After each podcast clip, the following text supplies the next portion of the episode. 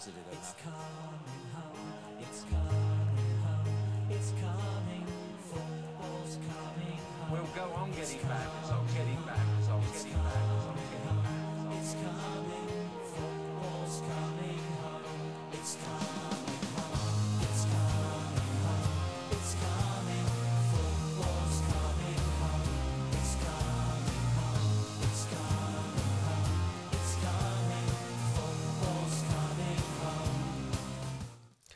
Verið velkomin góð fólk í annan þáttin af fótbollablaði með mér aðnara með allasinni Það verður stútföldu þátti í dag. Við ætlum að fara yfir leikviku 1 af ennska fótbollin sem var auðvitað þessa helgi.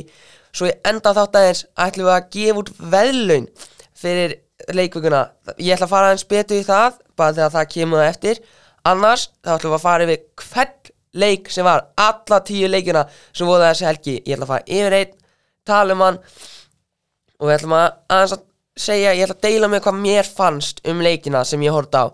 Það var auðvitað tíu leikir þannig að, og auðvitað er erfitt að fara út og horfa á alla þættin í ein, leikin í einu afsakið. Þannig ég ætla að fara bara við leikinu sem ég sá og svo skulum við kannski aðeins bara nefna upp aðeins um hinn tvo leikina sem ég horfði ekki á. Skulum við að vinda okkur í þetta samt. Með fyrsta leik tímabilsinn sem var auðvitað á föstu daginn milli Burnley og Man City því líka leikur var þetta mínum að því meðan þetta var geggjaður leikur til að byrja þetta tímabil að ennskum fótbolta. Auðvitað með tvö mörg hjá honum Erling Haaland til að byrja með. Það er bara ekki neitt hægt að soppa hennar mann. Bara frábæleikið að sitt í en Burnley voru alveg flott að mínum að því Burnley byrja leikin eftir marki á Haaland miklu betur. Burnley voru með rosa góða pressu eftir fyrsta markið. Og ég var að veikina þegar ég sá byðanlið ég var hugsandi hvað er kompani að gera. Bara þetta er fánanlegt byðanlið að mínum að því ég myndi aldrei trúa að hann myndi setja þetta byðanlið út þegar þú hefur Josh Brownhill, Jóaberg ég er bara að hissa hann hefði kannski ekki geta byrjað. En ekki hugsa það lengur því að það sem náði mest auðanum mínu við þetta byðanlið var Kolle Osho veit bara ekki hvað þessi gæja er, ég skal veikina það. Ég hef aldrei heitt hennan gæja. En váka ég var átnátt að honum. Mér var sem var rosa fítnis fyrir háleik mér var rosa hæður, rosa aggressífur. Bara henni geta verið betið með sendingarna sínar en váka ég var átnátt af honum í byrjun. Svo er líka aðri bönlimenn eins og Colin, mér var svo rosa flott að hann í miðvennum, hafði ekki samt mikið að gera.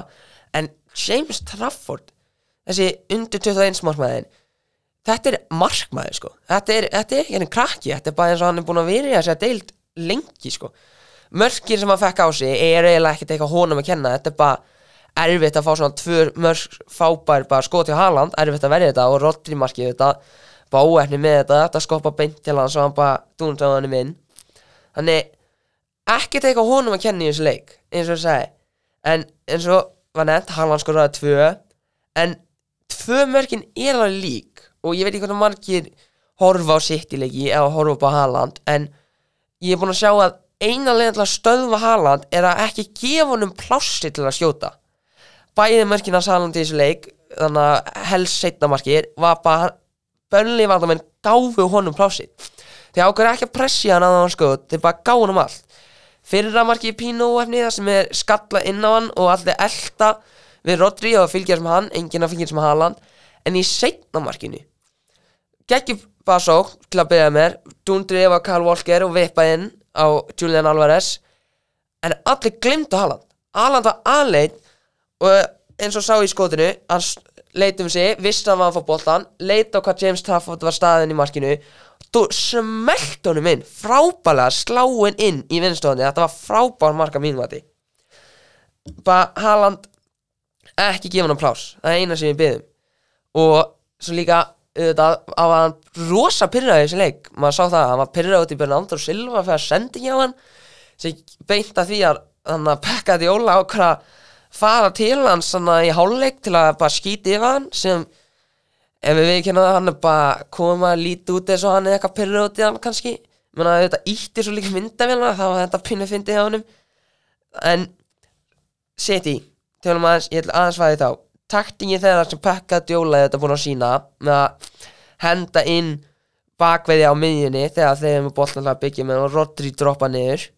Þetta er allt og létt fyrir á. Menn að Burnley áttu moment þar sem þeir náðu að pressa mikið í þá en það var bara uppspilinu hjá Ederson þegar hann byrjaði með hann. Komið eins og þannig er virka takting á City fatti þegar þú ert ekki þegar Ederson búin að senda hann út það allt bla bla bla býra þeir róli. Þeir bara hafa Rodri Díaz, Akanji, hver sem veðan þeir senda sér róli á milli. Þannig að þú þeir láta mennina stíu upp svo spila í gegnum á Rico Lewis eða Rod, hver hana De Bruyne sem er hann á miðjunni. Þetta er góð taktík og maður sá alveg vel núna hvernig þetta virkar.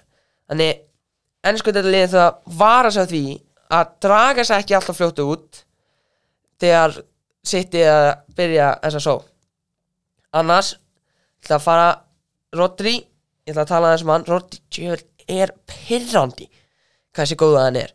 Hann er alveg að gefa bara Casemiro alveg pressu um hver er besti þannig að varnarlega miðjum að heims það er auðvitað hann núna því að djöfell var hann góður í þessum leik. Hann bara stoppaði allt í vörni róli undir boltanum áttu þetta stóðsendingun á Haalandana og skúraði sjálfur bara sem með Meina, þessi gæi í alveg bara maður leiksins í þessu. Ég veit að margir myndi kannski gefa þetta Haaland en Rodri var bara aðal maðurinn í þessu sittilið bara hafði þetta allt hjá sér sko.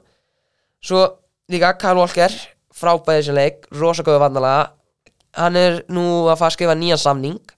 Hann er nú ekki á leiðin til bæinn og átti, er nú kannski meittur ég man ekki hvort ég hef ekki búin að heyra neitt um það hvort hann sé ennþá meittur eða ekki. Þannig ég þarf bara auðvitað að tjekka því. En þessi tækling sem hann fekk á sig fyrir hann að Sarúri, þetta er fáralegt hjá hann ég veit ekki hvað hann Sarúri var eiginlega að hugsa í þessu sko. Auðvitað en að stöðu að Karl Volker að hann spretta á stað og getur skapa fjóðamarkinu en hann sparka beint bara í kálvan og ymmingja manninum sko. Þetta er bara fáralegt hjá hann unga manninum sem er er ennþá pínu once to watch fyrir utan það að Burnley hafi þetta eitthvað tó- 12 kantmenn. Skilja okkur kompani elskar sína kantmenn í þessu liði. En í stuttumáli sitt í bara beta liðið taktingi sín virkari. Kovacic, Volker, Rico Lewis Bernardo Silva, Foden það var bara allir leikmenn í þessu liði voru bara flottir. Auðvitað, Ederson hafði ekki mikið að gera því að það fóru valla skoð frá Burnley á markið til við fekkum svona góð færi. En Sander Burge ég talaði nú aðeins um hann fyrir þetta maður sagði góð kaup að kaupa hann frá Sheffield til að bara láta þeim niður. Hvar var hann? í alveg, hann var bara ekkert inn á ég veit ekki hvort hann snerti boltan sko. Ég man ekki þetta að hann var með boltan eða vann hann af einhverjum það var bara eins og þegar við vorum að spila tímen allan leikin þegar hverskir sem ég leit niður þá sá ég bara Colin einn á miðinni aldrei var Sander Burge eitthvað neginn á miðinni þannig að hann það að gýra sig upp til að gera eitthvað í þessu liði. En auðvitað fyrst leikur erfitt en samt. Gæðu eitthvað, come on maður. Þannig þetta er það sem ég var að segja með fyrsta leikin og ég ætla nú að fara mig við Arsenal Nottingham leikin, setni leikurinn, fyrsti leikin á lögadeginum ef þú spyrir mig, við sáum auðvitað taktingina sem Arteta er hann að herrum eftir með Pekka Djóla sem er bara halda rólega bollinum og bara rólega byggjit upp. En á saman tíma voru Arsenal ekki að skapa neitt frammi. Það bara hefðum, ég hefði viljað ofsjá bara eitthvað skjóta bara allinu eða bara vipp honum inn. Þið voru bara svo hægir með þetta og bara voru ekkert skapa sinni auðvitað var Nottingham líka alveg vel bakkaði niður og góði í stöðunum það þegar þeir voru með Arsenal menn voru með bolta frammi en í alvegni þetta var svo leiðilegt að horfa á bara. Ég hefði hefði ekki að vera sofandi yfir þessu setnáleik hversu hægt þetta var. En þegar Arsenal byrjuðu aðeins að reyna að geta hratt þá virka þetta hjá þeim þetta Saka og Martinelli báðir bara frábærir eiginlega sko eins og Saka með þetta dundumark rosaflótt skoti á hann því líka leikmaður bara, þetta er maður sem bara Antoni vill vera sko. Hann vill vera að bara hafa svona mörg en hann bara geta ekki. Að mann Martinelli. Mér var sann frábæðisleik bara besti maður inn á vellinum bara by far. Eins og þetta samba samba í þessar stóðsynningu maður þetta var fallegt að sjá. Ég man að ég bara var að horfa á þetta og ég trúði ekki með augunum mínum. Þannig ég, ég bara svá hvað það fallið og fyrir bara í pappa minn bara pappi bara sjá þetta, sjá þetta. Og ég fæ bara alltaf ég fæ bara tilbaka yfir þessu samba. Það bara myndi þetta ekki sko það bara hefni honum. Pappi minn veit ekkert hvað hann var að tala um hann sko, þetta er fánátt hjá honum. En eins og ég sagði þessi seinnáleikur bara pínulegilegu sko. Fyrir þetta þess að Ræs átti bara tvö frábær skot næði til að vinna leikinn sem Tönni stöðvaði sem ég fannst Tönni alveg var fítn í þessu leik. Ekkert eitthvað lélur en ekkert eitthvað vá, þetta er bara leikmaður sem á þetta að vera geggjaði þessu marki. En ég það nú aðeins að tala um eins og færi sem Nottingham fekk í byrjun hjá honum Brennan Johnson. Ég held að eina ásaka að klúða þessu var þetta þessi fáralega hárgæslu ég veit ekki hvort eitthvað sá hvað, er þetta bleikt hárlega ég bara, þetta er fáralega þess að hári ég sér. Og ég bara, ég þetta að horfa á Paul Pogba sko í sex ár með hárgæslu hann sko. Það var svona betur en þetta hári á Brennan Johnson. Jesus Christ maður, hvað var hann með? En eins og sagði seitt hefði getað verið sofandi. En það var eitt moment sem náðum aðeins til að vera svo spenntur og það var þetta markir á Nottingham. Ég hef aldrei sann séð ja, verri farnarleik hjá Arsenal. Því að þeir byrja þetta þetta er bara Langa og Vonji sem gera þetta saman þeir tveir. Og enginn ákveða mæti að Langa þegar hann tekur þetta hlaup gegnum alla. Eini leikmaður sem eldir hann og reyna að stöðva hann er Saka. Eini leikmaður, þú er með Thomas Partey þú ert með Salíbana þú ert með Rice, þrýr menn sem ákveða ekki að hjálpa Saka bara leifa að Langa hlaup í gegn. Sam, saman Ben White ákveða að standa fyrir bakvinna Vonji inn í tegnum sem er fálarægt, þú verður að standa alltaf fyrir fram á mannin ég skil, ég segja alltaf við mennin mín sem ég er að þjálfa ég, þegar hot eða aukasmið standi fyrir fram á mannin ykkar. Þegar alltaf að pæli því. En velgerðsjóðan langa flott hlaup, ég er spenntur ég vona rosa mikið að hann gerir vel í Nottingham ungur, spennandi leikmaður. Þannig flott mann hjá þeim en tjöfur hvað þetta lélega vartanleikur hjá Arsenal í þessu marki. Bætaði því.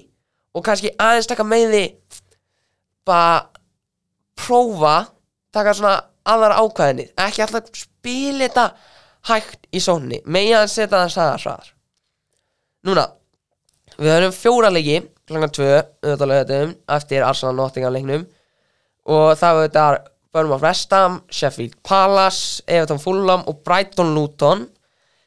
Þannig að við skulum að, ég ætla að fara yfir aðeins Burnham West Ham og Brighton Luton þar sem þeir voru tvei leiki sem ég hótt á. Ákveði að sleppa við að horfa á þessa 2-1-0 leiki sem ég bara sé ekki þetta eftir. Við skulum byrja samt á mínum mönnum í Luton á múti Brighton 4-1 þetta, þessi leika var alveg flókin pínu ég var alveg spennt að horfa mína menn í Luton sjá hvernig þeir voru og þeir byrja alveg vel. Það var ekkit eins og Brighton voru alltaf einu bara að taka yfir leiknum. Uh, Chong mér var samt byrjað rosa vel í þessu leik fyrir mannjuleikmaðin og þeir voru alveg ekki samt að taka á veikleika Brighton. Því að eitt með veikleika Brighton er þegar Brighton menn er í vörninni uh, í sók sjálfu minna ég þá stýja bakveðinir stúpinan og grós alltaf svo hátt upp.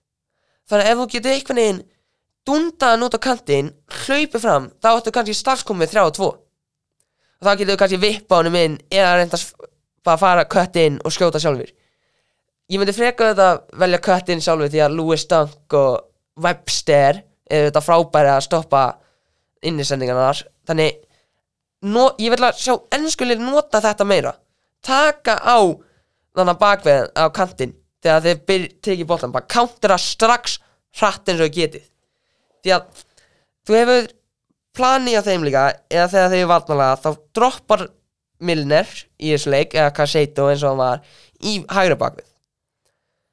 Þannig ef þú getur tekið á James Milner sem er þetta hvað 37 ára spila sér 20 eða sér eitthvað tímabil þú verður að vaða þennan mann. Hann hefur ekki fætur lengur.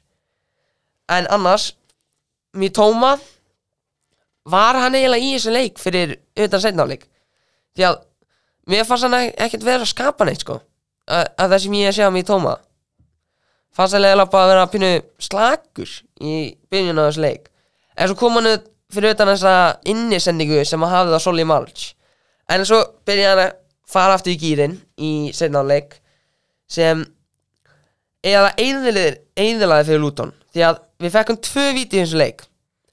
Ef þú spyrir mig bæði vítin eigi ekki að vera víti. Því að mér fannst Lokkir var rosa rosa góður fyrir Luton. Þetta allt og laust víti að mínum að þetta er pínu dífa hjá Tjá Petro hann bara finna aðeins snertingu, hendi sér niður sem er bara vel gæs honum, klár gæi.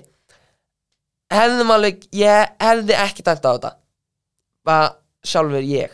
Ég hefði ekki dæmt á þetta, ég hefði bara látið þetta halda áfram. En Luton þeir fekk tilbaka og fekk þetta vítið á Louis Dunk.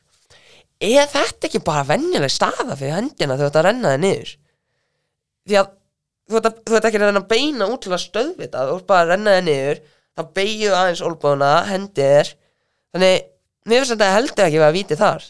En ég var alveg glaður að sjá það að sjá Luton koma aftur inn í leikin sem hefði kannski ekki verið gott fyrir þá því að eftir að þeir komin í leikin þá reyndu meira að fara upp og sókna og sókn sem þetta hafði að opið fyrir það fyrir að bræta menn til að koma inn og skoða tvö mörg þannig ekki eitthvað það besta fyrir á en þetta lútanlega var ekki eitthvað það lélegt þangar til í seinustu 20 mínútunar mér fannst Kaminski sem ég bara hafði varla trú að hann geti gett eitthvað mikið í þessa deild spila alveg vel þangar til að Pulli Rudolf Pansu ákvað bara vippa hann yfir á dingra sem bara dúndaði hann með þetta inn það er hann hann dingra ég bara alltaf hoppa inn og segja fylgis með þessum manni, þessi maður er fótballleikmaður rosa spenntið fyrir að sjá hvað hann gerir í framtíðinni.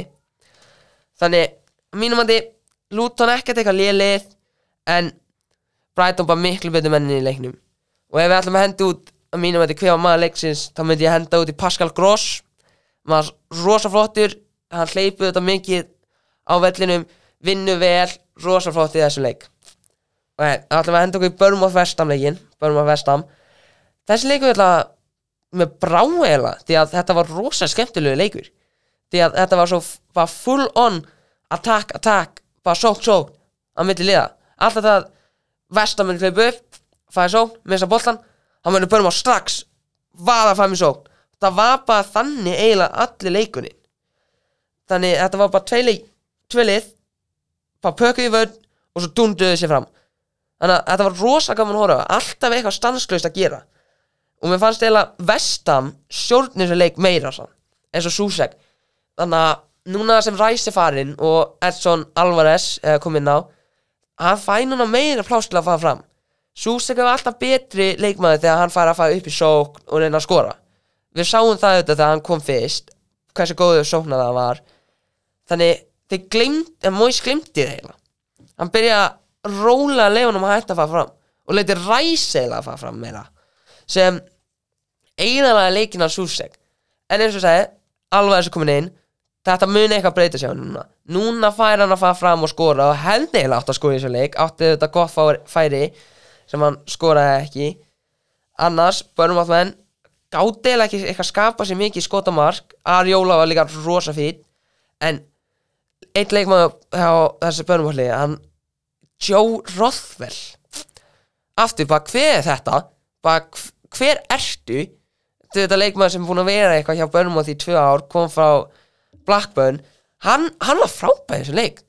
Hann átti þetta eitt gott skot sem bara var nálægt að fara inn bara vel varði hjá Arjóla þessi leikmaður, ég bara hann brá mér eða yfir hvernig hann var í þessu leik. Komum drengu og bara ákvaða bara að droppa inn, geggja hann leik bara eiginlega nálægt að maður leiksins hjá mér. En svo kom seinna áleikin Bowen byrjaði háleikin með frábært mark til að byrja með þar sem hann var auðvitað rosa góð í þessu leik. Þetta var svona eins og að horfa á þannig að Brooks og Bowen. Bá, eru svona simjala leikmennir því að ef Brooks var geggjufæði þessu leik oft flott fæði þess að hann gætt köttar inn og skjóði bara náði alltaf að kláða þau ef að Bowen hefði fengið þessi færi alltaf hann hefði alltaf skorað minnst kosti tvenni í þessu leik. Því að markið hans var bara færin sem að fá en Börnum á svo 1-0 undir ákveða að henda munum inn færi sókn og reyna alltaf að fara að skora og skora. Að mann vestam að verja sér vel kom með þetta svona hefnismarka ætla ég að kalla. Þetta er bara svo langi hefur bara opið mark og bara það bara eiginlega pótunum inn sko. Og þannig enda þetta auðvitað. 1-1 spennandi leikur Susek að mínum að þetta er maður leiksins rosa flottur þess að ég var pínu svegt að sjá ekki þannig að Divin Mubamba átuna sóknamannin sem bara var frábæði prísin hjá Vestam þegar ákveður ekki að spila hann í þessum leik ákveður fekk að setja Antonio Mikael Antonio sem bara var eiginlega bara skítur á þessu velli sko. Gerði ekki neitt sko. Ég bara hafði enga trú að hann myndi skora í þessu leik. Annars frábæð leikur myndi ég segja A- annars eitt um vestam er pakett að fara til City og 110 miljonir því að við vitum auðvitað að þeir eru núna búin að köpa Edson Alvarez James Ward Prowse er komin inn. Þeir voru að tala um Maguire að Maguire sjálfu var bara ég nenni ekki til vestam sem er rosa faganlegt því að hann er ekkert að spila eitthvað mikið fyrir United. Þannig liðið þetta strax búin að bara hætta að leika sig með hann og byrja að fara, hugsa um að kaupa Konstantín Mavropanos greikin í þýsku búndislíkunni þannig heldum að þeir eru núna í fína lægi með að henda út anna paketta því að ég myndi allan daginn að segja já veist þetta er 110 miljónir fyrir leikmann sem átti ekki eitthvað gott um, tímabili fyrir að henda núna tí- 110 miljónir bara bursmann ég myndi myndi keira sjálfur með hann til Manchester. Því að þú getur selt hann 110 hvað er það að stoppa að kaupa Mohamed Kudus í Ajax fyrir 40 það er ekkert að stoppa. Þannig að þetta græða 70 miljónir og eiginlega að fá bara jafngóðan leikmann inn. Ef ég væri bara eigandi vestam David Gold minnum að það heitir pakki þetta drulla út ég ætla að fá Kudusinn hugsaði líka og getur bara búið til eitthvað flóta æfingarsvæði og þessi 70 miljónum eins og Lesta geði þegar við seldum að hvað er fyrir 80 miljónir bara selda hann og búið til geggja æfingarsvæði rosalflott æfingarsvæði þeim.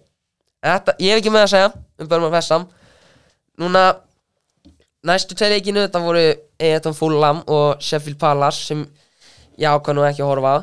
En ég, ég sá þetta í vellinum eftir Chelsea Liverpool leikin að Everton bara áttilega skoði þessu leik bara Bent Leno frábæði markinu og Neil Mopai svekkjandi að heyra með það sem geðist að hann fekk fullt af hatri á Instagram eftir leikin sem bara maður eiginlega hata að sjá svona eins og þetta geðist með Rashford og Saka og þannig að Sancho eftir EM-úrstæðleikin rosalega lett að sjá það.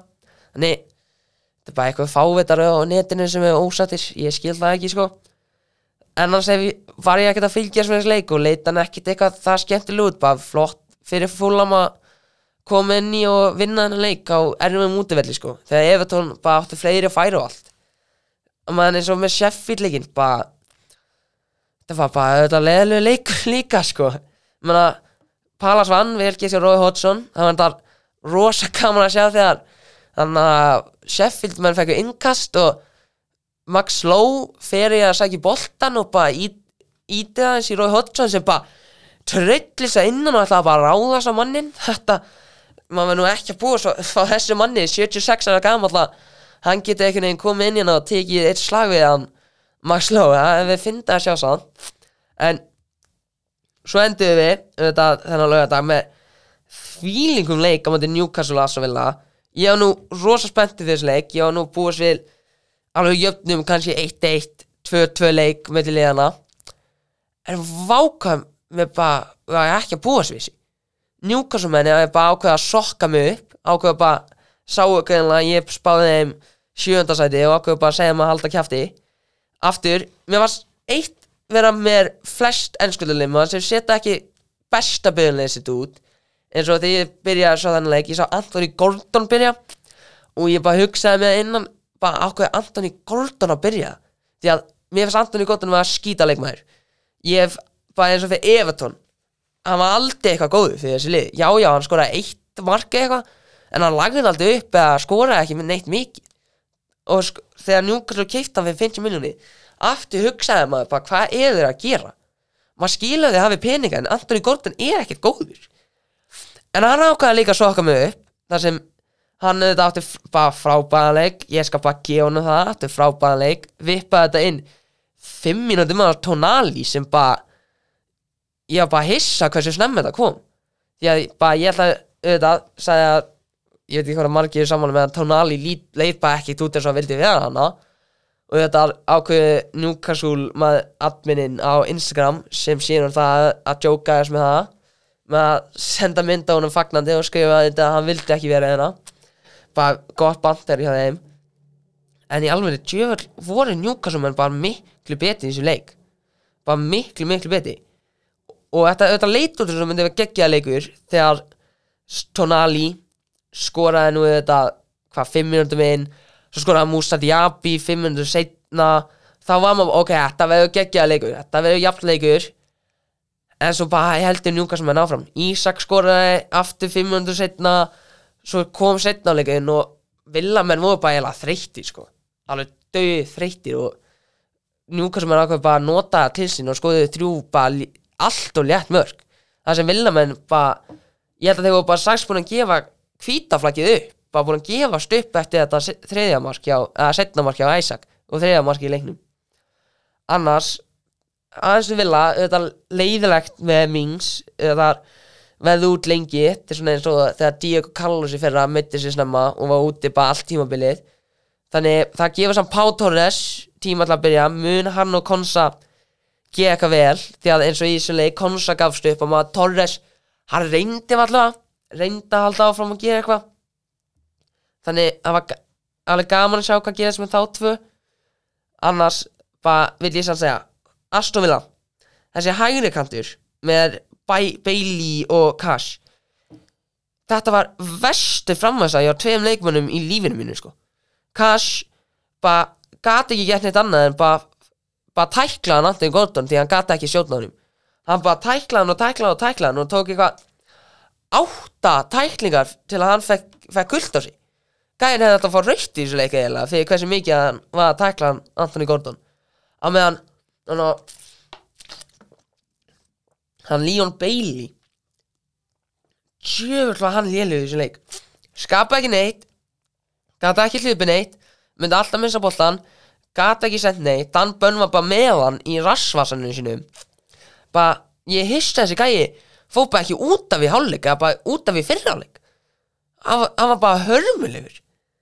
Bara, hvað er þessi gæi að gera í þessu maður ma veit það samt þetta, þetta því að hvað þannig að Emi Buendia sem var bara frábæði prísur og metti sig.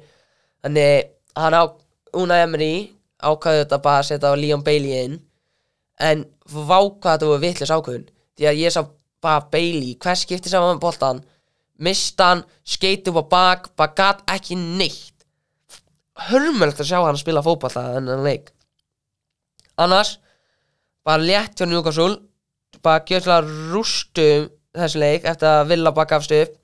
Spilu lélega vann leik reynd, ég held ég reynd að gera svo offside trap á Newcastle menn sem bara virkaði bara ekki neitt. Newcastle hafði alltaf bara dunda fram á Anthony Gordon eða Harvey Barnes sem bara hlaup og senda hann inn Harvey Barnes leitir þetta rosa vel út átti þetta að koma inn á senda hann á Callum Wilson og skóraði þannig gam, það verði eitthvað bara á milli þessar tvo englendinga Gordon og Harvey Barnes. Það var nú aðeins með að gaman að sjá hvort það verði eitthvað meiri bara átt að milli þessar tvei leikmennum hver að fá byrja í þessu liði þetta sem anna, Alan Saint Maximin þetta var seldu til Saudi fyrir 27 miljónir sem er bara feit líi þetta var öll svona 80 eitthvað en Newcastle ætla ekki að svinda því þetta að meðan þetta getur Alexander Ísak líka að spila á vinstri kant.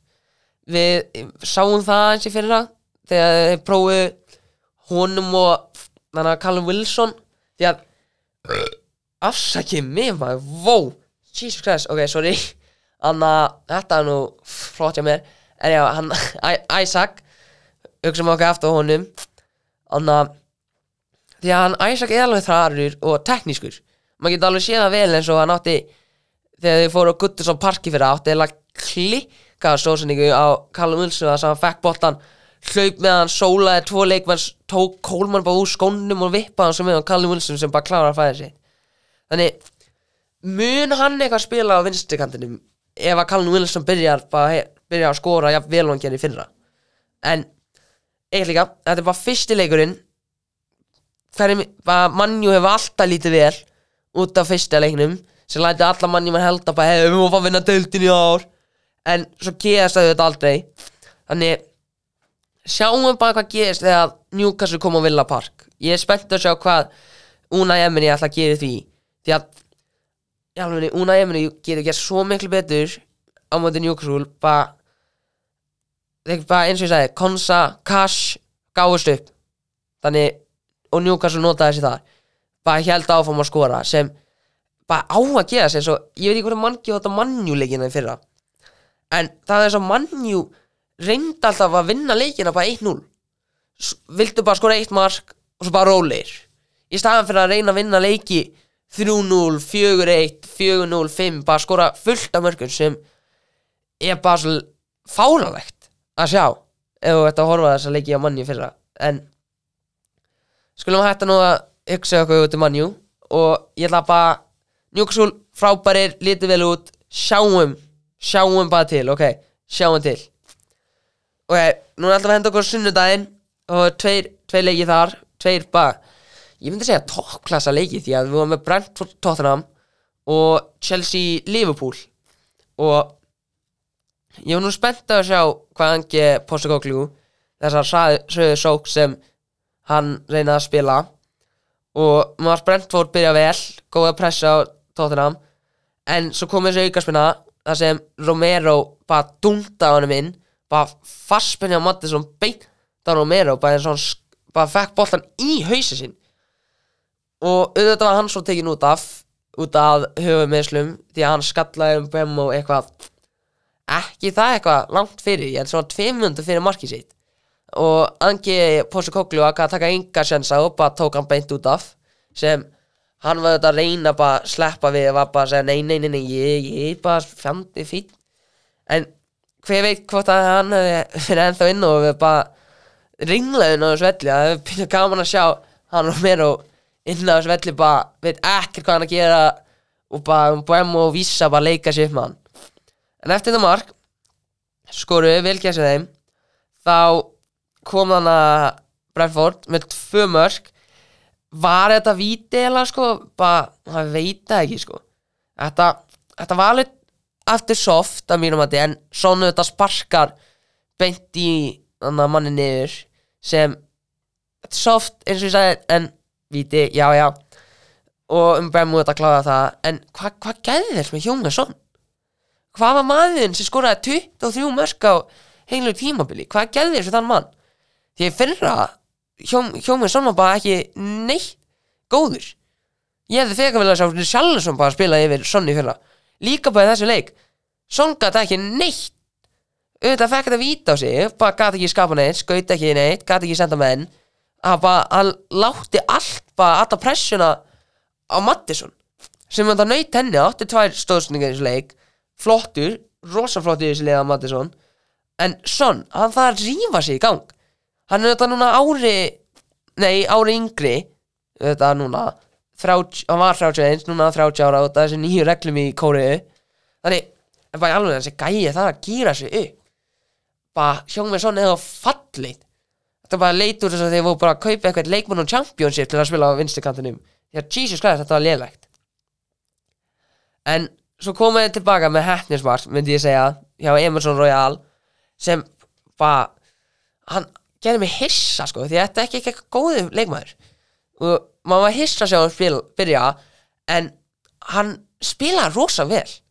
Hann passar rosa vel inn í þessa taktík á Ange Postecoglou með að spila hann hratt á milli spila upp með hann og það. Með að hann rosa flott í þessu leik. Og það var nú gaman að sjá batum með hann og Petro Porro. Bara hver með byrja. Minna Emerson frábæði þessu leik að minnum að þið með þessa, þetta fallega sko það með að þetta var rosa fallegt. Það sem flekkin ég átti ekki góðan leik sko byrjaði alveg pínu shaky. En bara vel gert hjá Emerson sko. Ég er bara spennt að sjá hvað hann gerir gert.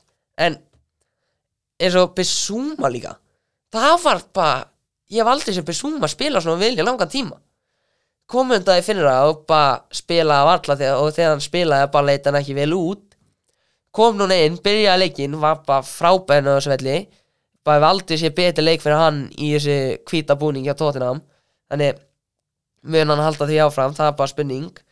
Annars, Mattisson þetta frábæði leikur, tvær stóðsningar skapaði vel það er nú alveg spurningamerki að maður ætti að kaupa hann í fantasy.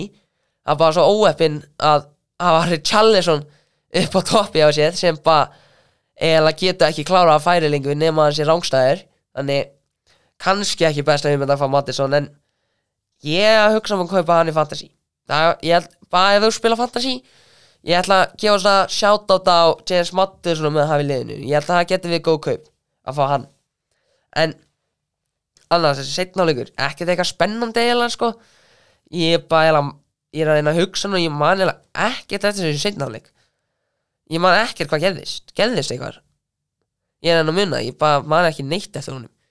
Fyrir áleikum var frábær en man eiginlega ekkert þessi setni það var byrju rólegur hálegur en ok, ég ætla samt núna aðeins tala um Brentford menn það Tony frá Visa setti upp á topp í staðan fyrir Kevin Schott og þeir voru alveg bara fín í þessu leik. Eiginlega þeir eru rosa góðir sagði á kántiðunum sem auðvitað var eiginlega markir setna markir á Visa bara dundur fram á Ríko Henry sem bara léttilega komst í gegn senda hann inn á Visa sem bara skaut og mikið vandi venn bara eiginlega pota honum inn. Ég nú hissa að þetta hafi nú ekki gefið sjálfsmark á unga hollendingin kannski við aðeins læs við hann fyrst í leikunum hans í ennskuldinni en bara Embuemo, Visa, Rico Henry voru bara frá, frá lítið vel út í þessu leik. Rosa sæðir náðu að bara leika sér aðeins með. Þetta þannig að tóttan á völdina þú var bæla óetni sko. Ég hefði, þetta var alveg satt toss-up hver myndi vinna. En Brentford bara eru að gera það sem þið kunna mest eða kunna best afsakið bara hratt í sók, spila vel. Á meðan eins og ég ætla að koma eitt sem ég fann sem tóðram áður en við, ég ætla að venda mér í setni leikin þannig að stóra leikin Chelsea-Liverpool. Ég veit ekki hversu margir sem að hlusta hóra Ted Lasso en í þannig að síðustu seríu, seríu 3 þá, ég veit ekki hvort þetta spoilers ekki þá kom Ted Lasso með svona total football til að spila með þannig að AFC Richmond sem þetta þeir bara kunnu bara rústuðu deildinu með. Og Postakoglu taktikinn með að spila hratt minnir mér rosa mikið á total football. Því þú séðu þetta þú ert að sjá Richarlison droppa aðeins niður þú ert að sjá Kuliveski droppa niður þú ert að sjá Emerson stíu upp þú ert að sjá Udoki stíu upp þú ert að sjá bara varnamenn stíga meira upp sóknamenn stíga meira niður sem var total footballið sem hann þetta Lasso var að kuka. Þannig pínu líking við þar. Og það er alveg gaman að sjá meira með ekki Postakoglu alveg góði leikur að byrja með. Ég, ég fór inn í hennar leik sko haldandi þeir myndi tapa. Þannig ég myndi alveg taka þessar 2-2 jættefli og vinna sig út frá því. Og ég sá líka eitt myndband með hann Postakoglu í morgun. Því að eins og líka bara þegar hann var að útskýra sonnuðan í félin br- eða þessi gæi að hlæja brosir hann því að í þessu fundi þegar hann sagði að Sonvæði myndi var félin hann bara fyrir að klappa eða gefa eitthvað surprise og brosa bara var bara já Sonni feli allir klappa fyrir honum og klappaði. Og svo líka sá ég myndband þegar hann var þjálfur í Japan e eða selt ekki, ég veit ekki en uh, ég þá bara myndband hann er menn á fund og er bara að srauna yfir á bara öskandi bara þetta er nýja þjálfæðin ég skil alveg þú getur við að hafðu en þú mátt alveg brosa einhvern tíma því að Jesus Christ hann á þetta að öskra mikið í ár. Hann vil missa röddinu sinna og bara hætta að taka viðtöl fyrir leikin og eftirleikin þannig þetta er, þetta er eitthvað hjá þessum ástralæska manni. Nú alveg líka kannski erfitt að fyrir Charles og Emerson kannski þegar hann að östu hana með þessum ástralæska reyma þeir fæði ekki að hlæja og geta bara verra. Ha, þetta er samt eitthvað hjá þessum manni. Hann er, hann er sjáum bara hvort hann gerir eitthvað. Menna, leitu alveg pínu vel út sóknarlega en ekki varnalega þannig sjáum til. Setni leiku einu þetta. Chelsea Liverpool uh, á Stamford Bridge. Aftur skrítin byrjunali maður, maður sá að góti Gagpo var að byrja með henni og það var bara hvað er þannig að hann kloppa að hugsa? Það var rosa föðurlagt að sjá líka bara eins og með Chelsea byrjunlið ég var bara hiss að sjá ekki þannig að hann úkranan Mikael Mútik byrja í þessu leik. Og frekar var ekki verið þannig að trösta á Chani Chukwu Chukwu Mega veit bara ekki hvernig það að segja þetta afsækja mig. Þannig ég var nú hiss að sjá það. En og líka bara Colin Gallagher var líka með henni það var líka skýttu að sjá. En Chelsea menn voru bara rosa lélegir bara í byrjun leiksins. Bara fyrstu hvað hálftíminn áðan Sala skoraði þá bara voru þeir skýt lélegir og bara eftir að Sala markið hans var dæmt af rángstu upp, rosa tæp rángsaða þá bara ákveðu bara hefur við ætlum að spila fótbolta núna. Sem hann, hann Ben Chilwell tala líka í viðtali eftir leikin bara alveg saman á honum bara líka flottu náðum hér Chilwell ég er bara stóð aðdáðandi núna. En auðvitað Leopold litur miklu betur út í byðun Luis Díaz, því líka leikmann ég er búin að gleyma honum. Því að hann auðvitað meittur mikið í fyrra þannig ég held að Leopold ætti að vera rosa sátt að fá hann tilbaka. Og var hann frábæði þessu leik. Sala, auðvitað fyrsta skipta hann ekki að skora í fyrsta leik tímabilsins. Ég bara sé hann að kom. Spila alveg fínt og var auðvitað bara rjálar að fara út af sem ég skil ekkert af hverju þetta leðalt að fara út af og bara ekki reyna að hjálpa liðin að vinna en maður þarf alveg róa henni um að henda dótinu og allt og ekki eins og við gefa klóða fimmu sko. Því að þú ert alveg að koma út af fyrir hvað 17 að skota Ben Dope. Þannig maður illa sér hjá Sala sem við þetta þekktum að rosa næs og róluðu gæi. Og það var svo líka svo gaman eins og Konati komið hana með samban þegar þegar maður ekki hver var með hann en Konati náði að vinna hann. Svo var hann að býða eftir Trent til að koma og hjálpa sér til að vinna boltan en Trent bara stóð hana þannig að ákvað bara að snúa við og kloppaði Ben Chilwell bara úr skónum. Það, ég var skettil hlæðandi við því hversu fyndi það var. En svo skoraði Sala auðvitað þannig að dæmt af að ákveð sæl sem hann að spila. Og þeir lítu bara rosa vel út eftir það. En svo Nandes og Siboslæ hvernig við getur öll hvernig maður að segja þetta þeir voru tvei flotta á miðinni bara tvei er Konar Gallega var alveg fít átti þetta gott blokk í endan en en svo var Nandes var bara beta þeim tveim. En bara eins og Ben Chilwell frábær í þessu leik. Þannig að Rhys James bara hvað, mér minna að hann að hann fór út að báta hann var þreyttur hann var ekkert meittur, hann var bara þreyttur sem bara lítur ekki vel út fyrir hann. Auðvitað búin að maður meittur samt í langa tíma og þetta stamina uh, að þólið þetta bara fari á manninum kannski. En þá það hann auðvitað að byggja upp. Þannig að okkur ekki bara byrja kannski aðeins með Malik Gusto þá byrja með hann Pochettino hlusta á þetta maður. En Chilwell, frábæðisleik hann auðvitað átti stóðsendinguna á Alex Disasi. Skalla hann inn og Disasi bara aðleitt trentu alveg að haldur um aðeins réttstæðir sem er, ég er ekki eiginlega hissa á því að Trent er ekkert eitthvað bestu varnalega þetta.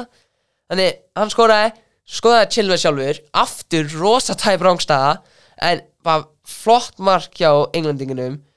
Og svo kom setni áleikin og þá komu tæklingar í gang. Menn voru að byrja að tækla um allt og það var bara rosa skemmtilegt að horfa eiginlega.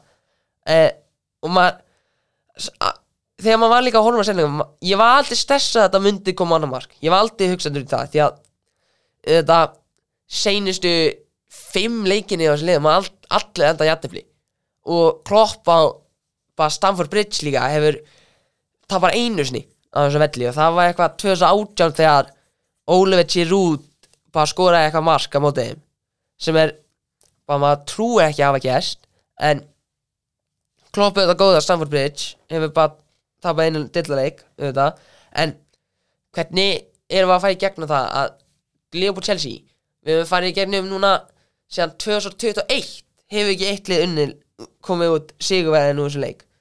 Það var alveg eitthvað. En Klopp auðvitað ákveða að setja eins og ég sagði skrýtna miðjum með Gagpo, og með Kalliser og Gagpo auðvitað átti erfiðan leik. Spi, þeir, eins og ég sagði líka þegar ég var að tala um Liverpool Sensland því hafingan varnalega miðjum. Þú bara búin að henda miðjunniðinni og ert að skilja eftir með með Kalliser, Szoboszlai, Curtis Jones Elliot og Thiago. Allir leikmenn sem er ekkert þannig að varnalegir, góðir. En með Kalliser var, var alveg fítn í þessu leik sko, maður eiga það. Og bara leit vel út eiginlega sko, fekk svo þetta kull fyrir að væla Jan Anthony Taylor um að gefa guld sem hvað, Anthony Taylor gæti að mínum að vera besti dómaðin í þessari deil því að þetta tvísraða sem hann gaf manni manni guld fyrir að væla bara um að gefa þessu manni guld mér var það vel gæst hjá honum út af þessu nýju reglum sem við erum núna bætti við að þið megi að gera. En annars bara geggjaleikur auðvitað bestu þannig að lifa bara leikinum helga, bara þessa helgi. Og eitt aðeins með Liverpool. ég veit ekki hvort að margir er búin að sjá eins og með þannig að klopp þegar Pogba komið til mannjú fyrir hvað, 120 miljonir en þetta var þetta 96 og var ég viðtölu var bara hefði þetta svona á ekki fótball að vera þú átti ekki að borga eitthvað 100 miljonir við eitt leikmann. Svo var hann undir viðtali spöðu út í þessi komment og það kom bara hefði ég sé núna bara yfir áfið mér. Það er þetta rosa fyndir að heyra á manninum og hann er bara double down því að hann er þetta rosa konum með þessa afsækin sína eins og að það var blöyt, það var alltaf blöð, völlun var ekki nógu blöytur og vindurinn var stöðu okkar. Ha- hann er geggjaði með það og átti þetta mörg góð moment í þessu leik eins og ég skýtti að þessu bosslæg var dæmdu aukast mér á og hann hendi sér jöðun og stóð upp var með henduð yfir augum það var, ég var skellilæðandi við því og svo það Núnes átti hana skot sem með minna að kalla ekki blokkaði aðeins og fór út af. Hvernig hann klúðaði því kloppaði stendur upp byrja að lemja bringur sinna á fulli þetta er sprengikrafti og þú getur eiginlega ekki að hata klopp að mínum að þóttu þetta eins og City að United átti. Þessi gæi er skemmtilegur, rosa rosa skemmtilegur. Eitt annar. Ég sá tvö skemmtilega tweet á en ég fyrir við United Wolves ætla að tala um þessi tvö tweet sem ég sá um, um hennar leik. Eitt af var að Liverpool voru þar verri að lið sem ég alveg sammála. Ef við lítum að alla leikin þá voru verra var Chelsea betra liðið og ég sá líkingu að eitthvað var líka klopp við Arsene Wenger á seinustu hárun sínum sem mér fannst alveg rosa fyndi því að auðvitað er þetta alveg pínu líklegt að, að líka vel saman því að klopp auðvitað átti lélegt tímambili fyrra og kannski búin að vera hana aðeins svo lengi en sjáum til maður með ár. Ef þeir ná ekki Champions League eða bara vinna ekki bygga þá held ég að Klopp sé á leiðinu út. Ég held að hann er bara, ég er góður ég ætla bara eins og hvað er að stoppa mannin til að fara að þjálfa Þískalandslið ég var nú til í að sjá það sama bara eins og með Jose Mourinho ákveð fyrir hann ekki að þjálfa Portugalska? Ég held að það var rosa gaman ef, í framtíðinni þú sér bara Pekka Diola þjálfa spænska lið Klopp með Þíska og Mourinho með Portugalska bara hversu geggja gaman var að horfa á það. Og svo núna hitt tvítið sem ég sá sem er rosa fyndi hvað maður hefði rokkað á leikinn? Þú veit þannig að liðin, áður en liðin að labba út þú séð bara heyri gennum völlin ladies and gentlemen, we have an announcement. Og út labba Kai Seito með Chelsea toppin hversu gott hefði það verið fyrir leik að sjá hann labba út með þessa Chelsea treyju það hefði verið svo gott bandari á Chelsea ef þið hefði getað gert það. Auðvitað stálu honum og er núna að stel, stela Lavia frá Liverpool þannig Liverpool á auðvitað erfileikum núna og eru að fara kannski í Gjá Palinja hjá hann að Fulham sem finnst eiginlega að þeir ættu kannski að sleppa við því að ég skil ekki, hvað er að stöðu að fara í Kefrem Túram bara hvað er að stoppa fara út að kaupa hann fyrir 40 miljónir líka eins og Palinja, 40 miljónir því að ég myndi alltaf daginn fyrir að fá Kefrem Túram, ungur, spennandi er búin að áttu gott árið fyrir það. Eða kannski út af því að hann er kannski minna varnalegri því að það finnst mér bara fáralegt sko. Klopp getur léttilega byggja hann upp til að vera betið varnalegi þannig að Liverpool fari út kaupa túram, breyta þessi tímabili ok, því að þeir eru ekki að fara að kaupa Lavi og Kai Seito núna. Þeir eru báðu búin að velja blá, bláan yfir rauðan. Þannig kaupa túram þetta er mitt ráð fyrir Liverpool. En núna sennisleikuðinn umfæðanar sem var þetta á mánudag milli United og Wolves. Ég hef þetta spáði United þriðasæti og Wolves annað átjönda tvö lið sem er þá þriðja í þriðjasæti fá botni og topp. Og ég átt annan leik og ég var hugsandi með mér sjálfum. Hvað var í gangi með United? Þetta United-lið var hörmulegt í þessu leik. E, e, Ég talaði þetta í senast um Mattias Kunja, hann að 50 miljónir fyrir hennan leikmann. Hvernig var hann að leika sér með þetta mannjulið Hann var að leika sér með Casemiro og Martínez og Shaw bara léttilega að koma sér gegna þá. Átt að skora í þessu leik en það sýnir hversu lélega hann er. Þar sem hann gati ekki skora átti klikku færi en bara ákvæða ekki að nota þau. Og maður var þetta sessaði en svo þurfti maður eiginlega að líta á þetta þetta er kunja sko, hann er ekkert að fá skora í þessu leik. En Djörf og Wulsmann að leika sér með United. Það var bara engin United leikmaður sem byrjaði hennar leik úti fyrir utan á Nana sem leit vel út alla leikin eini leikmann sem ég myndi gefa kannski að þessum út, hvað tíu útileikmannum sem byrjuðu það var hann eini sem spilaði vel alltaf leikin við varum svo góðu varnalega að stöða mikið skoraði þetta eina markið. Eini sem var consistent. Luke Shaw Van Bissaka setna áleikun var flott í aðeim þá byrjuði það að kikka í sig. Helst Van Bissaka þetta skalla hann inn á var hann og stoppaði þess vel varnalega en Mount Casemiro. Casemiro var bara ekki Casemiro í dag. Casemiro var bara skítalélur Mount var vallinn á vellinum en mér fannst hann ekki eitthvað það lélur en hann gæði ekki neitt með boltan Bruno var bara Bruno í svona erfiðu leikjum. Antoni var þetta pínu fít var sann ekki eitthvað það lélur Garnaccio var að pocketa Nelson sem meito sem er bara ekkert góður varnalega ég skil ekkert hvernig Garnaccio gæti ekki gert neitt í því Rashford átti lélega leik en það bóti því að hann er ekki framinni bara er alls ekki framinni hann ætti að við á vinstri kantinum og það var ekkert í þessu leik þar sem það leit út eins og mannjú var að fara að vinna hann leik allt í einu. Það kom bara mannjú að kunna allt í einu að spila þegar Sancho kom inn á sem bara leit rosa vel út. Ég bara skil ekki á hvað Sancho byrja ekki þennan leik í staðan fyrir Antoni eða Garnaccio það er kannski breytt pínu mikla mínumandi og ég var enda grillaður af einum áhóranda yfir hvernig ég var talandi um að mannjú var bara hefnir eiginlega var jættefli í þessu leik þangar þegar þeir skoru á móti vúl sem ég spáði þetta átjanda þannig ég var grillaður eins og það sem er gaman að heyra já en svo komið þetta controversy moment. Var þetta víti á Nana stuttumáli auðvitað, þetta er alltaf víti. Hann er ekkert nála bara er að ráðast á Kalacic og auðvitað var gaman að heyra þetta frá Gary O'Neill þegar hann var í viðtalið til leikin og talaði um að þegar Simon Hooper var að lappa í áttina hann hvernig hann held að hann var að líta skjáin en svo allir kom og spjálta þessi og hann var bara þetta bara hvað í fokkanum að gerast? Og svo fekk hann þetta fyrirgefningu eftir leikin frá Jonathan Moss sem bara ég hefði eiginlega ósatna með en getur ekki gert neitt í því þegar leikunum búin en þetta er pjúra pjúra víti á hann mann. Því hann réðst á Kalasic. Þannig tvö, þetta er eitt dæmi um það sem átt að vera víti. Eins og í Liverpool Chelsea leiknum hvernig fekk Nicolas Jackson ekki víta sig? Því að það er ekkert venjulegt við þetta hó hann bara breytið sér í tínrex og bara hendina fóru inn og, og bara beint í höndinans þetta er ekki eins og hendinans var upp að líkaðun og hann sem ég er stóðmaður á.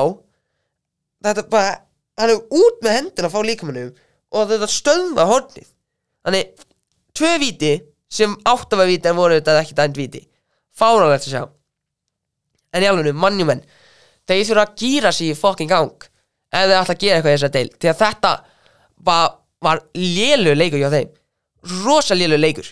Þannig að ef að Ten Hag fór bara ekki hál, bara eftir leikin og öskra á þá bara, bara skitu þá er ég ósáttur með hann. Því að þú átt bara að tala við þína menn og við bara hvað er fokkanum að þetta? Við erum bara hefnið að vinni þetta. Og þetta læti mér bara hugsa mannjú bara þurfa nú bara frammerja til að gera til að koma nála því að vinna þessa deild. Þurfa að kaupa fleiri menn eins og Amrabat og þannig að hvað Todibo eða Pavard bara mannjú þurfa að gýra í sig. Gera eitthvað. Þannig þetta er allir leikinir þessi allir tíu og þetta kemur næsta umferð sem líti alveg spennandi út. Við höfum þetta stóðleikin á melli United og Tottenham. Og svo hefur sumarslaka leiki eins og Nottingham, Forrest auðvitað á föstu deginum og Palace Arsenal á mánudegi. En sumilin leikin hérna er alveg fín eins og Vestam Chelsea Tottenham Manju, við höfum auðvitað Wolves Brighton, ég er nú spennt á sig hann og það Brighton litur rosa vel út. City Newcastle líka, þetta er, þetta er spennandi leikvika en ef þið myndir spila mig, ég myndi henda Nottingham sigur jafntefli myndi Fulham og Brentford Liverpool ætti að vinna þannig að Liverpool, Brighton vinnur jafntefli Tottenham Manju City mun vinna Villa mun vinna Chelsea Vestam, ég ætla að henda það enda í jafntefli og Arsenal ætla að pakka saman Krista Palace. Því að Michael Olise þetta er búin að það er búin að aktiveita lísklásan hans hjá Chelsea. Uh, minni 35 miljónir þannig mun hann færi Chelsea? Líklega að sjá. Sem bara spennandi að sjá. Það, það hefur geggjað þannig að sókna lína Olise, Jackson, Stöðling og Chukwumeka og Nkunku þetta, þetta er spennandi sóknir Chelsea. En eins og ég sagði byrðin þátt aðeins ég mun gefa út veðlaun í handa þátt aðeins til við hverja leikvöku og ég ætla að kynna ykkur fyrir þannig að veðlaunum sem ég ætla að gefa út. Við höfum Michu leikmað umfæðanar ef þið veit ekki hvað Michu er þetta geggja one season wonder í ennskjöldinni átti geggja tímabil með Swansea áðan bara upp á bak tímabil eftir þar sem þeir kaufti líka Wilfred Boney þannig að hann spilaði minna og endaði með að fá aftur til spánar og spila í neðinni til þeim og hætti bara 32 ára.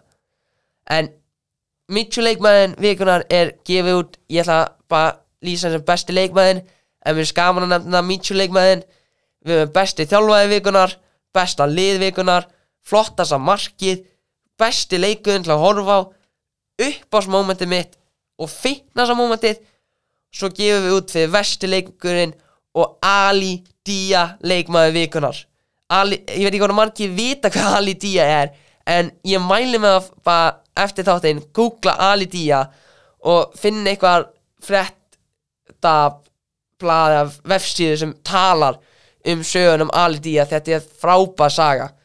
Geggjur sá, lætur Graham Souness þannig að Liverpool, finnum Liverpool leikmann og núna Pondit í, hjá Sky Sports líta bara út þess að bara er eitthvað heimskur náengi sko. Þannig mælum að googla Ali Dia eftir á.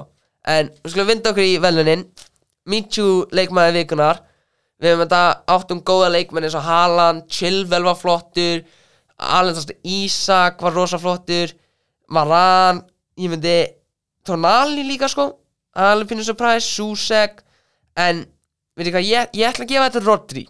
Mér varst Rodri Við var besti leikmaði vikunar Mark, stórsending, hjælt hreinu Frábávarnalega fyrsti Minsjú leikmaður vikunar besti þjálfæðin og besta lið alltaf bara fara upp á nóðin til Newcastle.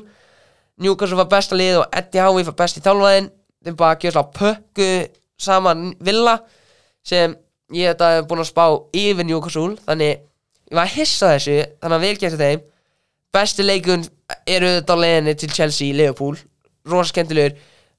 Baróta geggja flott mörg, alltaf spenna klopp frábært að horfa á, rosa skemmtilegt. Uppást mómentið ég ætla að gefa það til þú veit að hugsa, Börnmátt vestam útvelli, Börnmátt er fjölskyldulið þannig að 90% átánu er kannski eitthvað gamlar ömmur og afar. Þetta er bara lengst út í söðu skaga á Englandi þannig að enginn á heimaðana eiginlega, fyrir þetta þetta um og afar þannig vestam, þú rokkar upp og vestam átánu að byrja að syngja Champions of Europe, you never sing that. Eftir að hafa unni konfesslíkið Þannig að að syngja þetta á bara gamla ömmur og gamla afa Er stút fyndið að mínum að því Það er rosa fyndið bandir í þeim Að syngja það á móti börnmátt Svo Það er alltaf uppáhaldsmomentið við En fitness að fyrir bara til klopp. Kloppa, fitness að momentið Var bara klopp í þessu leik. Stút fyndin gæi Að maður eiga það Alli díalegmaðin Ég ætla að geima allir næst Bara seinast Vesti leikunum að Arsenal Nottingham Mínum að þið Bara snorfest eins og ég sagði hann Ekkert skemmtilegur. En Ali Dia leikmaði vikunar Er Leon Bailey Eins og ég tala með hann Skítur skítur á vellinum. Vá hvað hann var leðilega að horfa Jesus Christ. Skulum, hann má vona þess að hann á ekki eftir að vinna fleiri svona Ég næði alltaf að gefa allir Bailey og Cass bara hægri hliðinni. En ég ákvaða að fega, nei, nei, ég ætla að gefa Cass aðeins Erum við bara aðeins að bjarga honum aðeins Því að Bailey átt að gera betur en Cass Þannig, þetta er setni þáttuðinn Þetta var leikuga 1 af henskutinni Við sjáumst aftur í næstu viku með þátt 3 þar sem ég ætla að gefa ykkur sneak peek svona spoiler alert. Ég mun ekki vera einn næstu viku, ég, ég get lofa ykkur því ég mun ekki vera einn hérna. Þar sem ég mun hafa eitthvað leinigjast með mér þar sem við munum mögulega fara yfir leik ykkur 2 og þið fá eins að kynnast fyrir gestnum betur. En þetta er við ég þetta var þáttur 2 og ég bara vil þakka ykkur fyrir að hlusta og bara slakka til að sjá okkur næstu viku fyrir þátt 3 takk fyrir mig, bye bye